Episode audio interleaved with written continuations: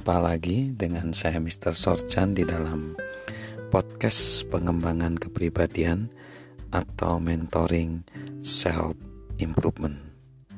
Saat ini kita masih di dalam konteks bagaimana menangani rasa putus asa. Kita tiba di poin yang keempat, milikilah harapan-harapan yang tepat. G. Wallace Hamilton suatu kali pernah mengamati Kehidupan setiap orang adalah sebuah buku harian, di mana ia bermaksud menulis suatu cerita dan terpaksa menulis cerita yang lain. Tidakkah kita membenarkan itu? Saya tahu saya telah membenarkannya. Inilah kabar baiknya. Cerita yang kita tulis sebenarnya dapat menjadi lebih baik daripada cerita yang kita bayangkan. Tetapi kita perlu memiliki harapan-harapan yang benar. Kita harus tetap fleksibel dan tidak dapat mengharapkan segala sesuatu berjalan dengan sempurna.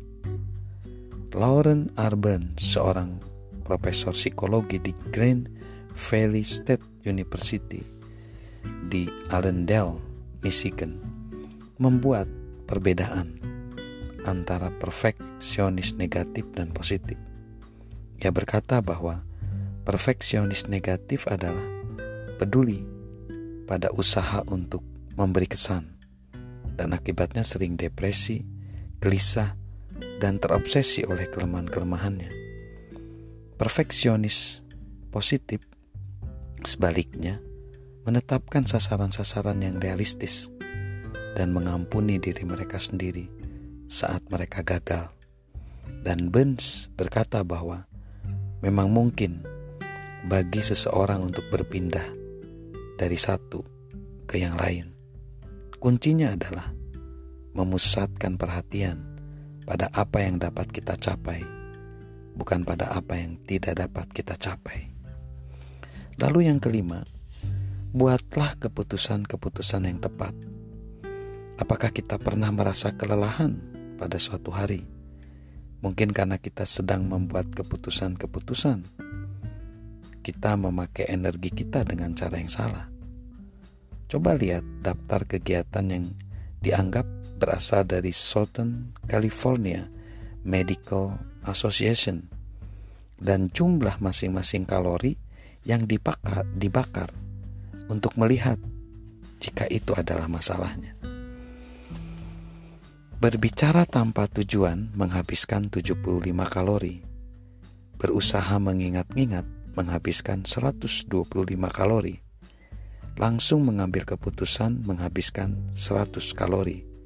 Berusaha keras menghabiskan 150 kalori. Menekan kesombongan kita itu 150 kalori. Menghindari tanggung jawab 25 kalori. Mencalonkan atau menonjolkan diri sendiri 100 kalori. Mengambil untung dari kedudukan diri sendiri 300 kalori, mengalah 75 kalori, kurang semangat 100 kalori, menyerah 200 kalori. Secara serius, keputusan-keputusan yang kita buat dan bagaimana kita membuat keputusan tersebut memiliki pengaruh yang besar pada cara pandang kita. Pertama, penting untuk selalu melakukan hal yang benar. Beberapa hal meningkatkan keputusasaan seperti penyesalan atau rasa bersalah dapat menyebabkan keputusasaan. Tidak mudah untuk meminta maaf, mengakui kesalahan, mengampuni, menundukkan temperamen, menanggung tuduhan yang layak diterima atau memulai kembali. Tetapi, membuat keputusan untuk melakukan semua ini saat diperlukan selalu memberikan hasil. Kita masing-masing perlu mau memandang kehidupan ini secara realistis, melihat kepada diri kita sendiri seperti adanya kita, dan menerima apa yang benar.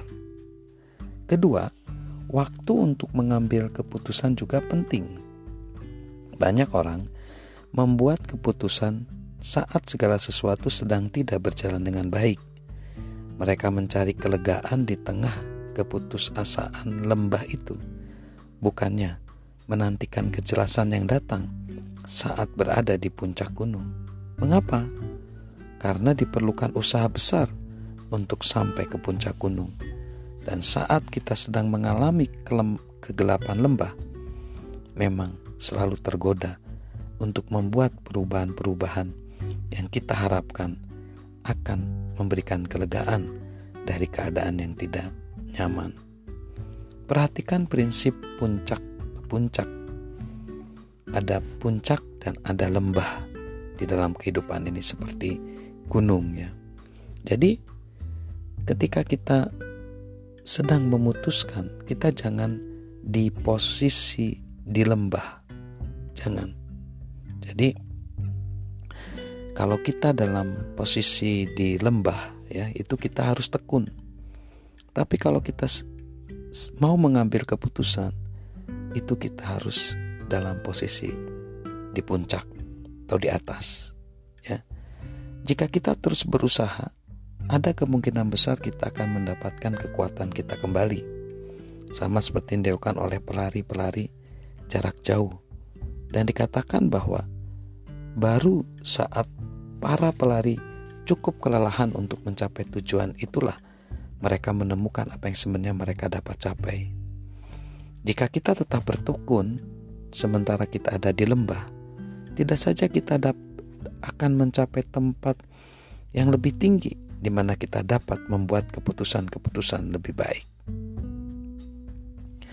Beberapa tahun yang lalu ada sebuah puisi Helen Stair Rice dan puisi itu sangat menarik perhatian yang nampaknya diwarnai oleh harapan di tengah penderitaan. Saat saya mempelajari kisahnya, saya jadi ngerti. Helen dilahirkan pada tahun 1900 dan tumbuh di tepi danau Erie. Impiannya adalah belajar hukum. Tapi rencana-rencana untuk kuliah di Wesleyan College harus disingkirkan saat ayahnya meninggal selama wabah influenza tahun 1918. Sebaliknya, ia akhirnya bekerja pada perusahaan alat elektrik. Pada tahun 1928, Helen bertemu dengan seorang banker muda bernama Franklin Rice. Mereka segera menikah, tetapi kebahagiaan mereka sangat singkat sekali karena saat pasar saham jatuh tahun 1929, Franklin bunuh diri.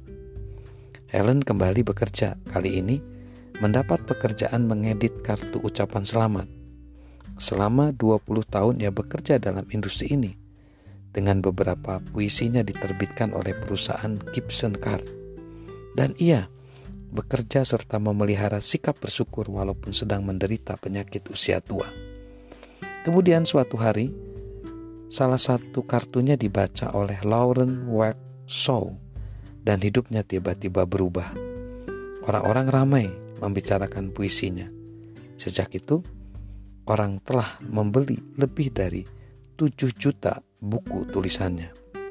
Ia meninggal tahun 1981, tetapi salah satu dari puisi yang diterbitkannya sebelum kematiannya menggambarkan suatu penemuannya saat menghadapi masa-masa gelap. Puisi tersebut disebut belokan di jalan dan bunyinya seperti ini. Dan bersama kita berdiri di persimpangan hidup dan memandang apa yang kita kira adalah akhirnya. Tetapi Tuhan memiliki visi yang jauh lebih besar dan ia memberitahukan kita bahwa itu hanyalah sebuah belokan. Karena jalan itu berlanjut dan semakin rata dan jeda dalam nyanyian adalah istirahat. Dan bagian yang tidak dinyanyikan dan tidak selesai adalah yang termanis, terkaya dan terbaik. Jadi, beristirahatlah dan bersantai, dan bertumbuhlah kuat. Lepaskanlah dan biarkanlah Tuhan berbagi bebanmu. Pekerjaanmu belum selesai atau berakhir. Engkau baru tiba di belokan jalan. Jika kita dapat memiliki perspektif seperti itu, kita dapat mengatasi keputusasaan dan melewatinya. Tidak seorang pun tertawan olehnya. Terimalah pembuat perbedaan itu dan akan membuat perbedaan dalam diri kita. Salam sukses luar biasa dari saya, Mr. Sorchan.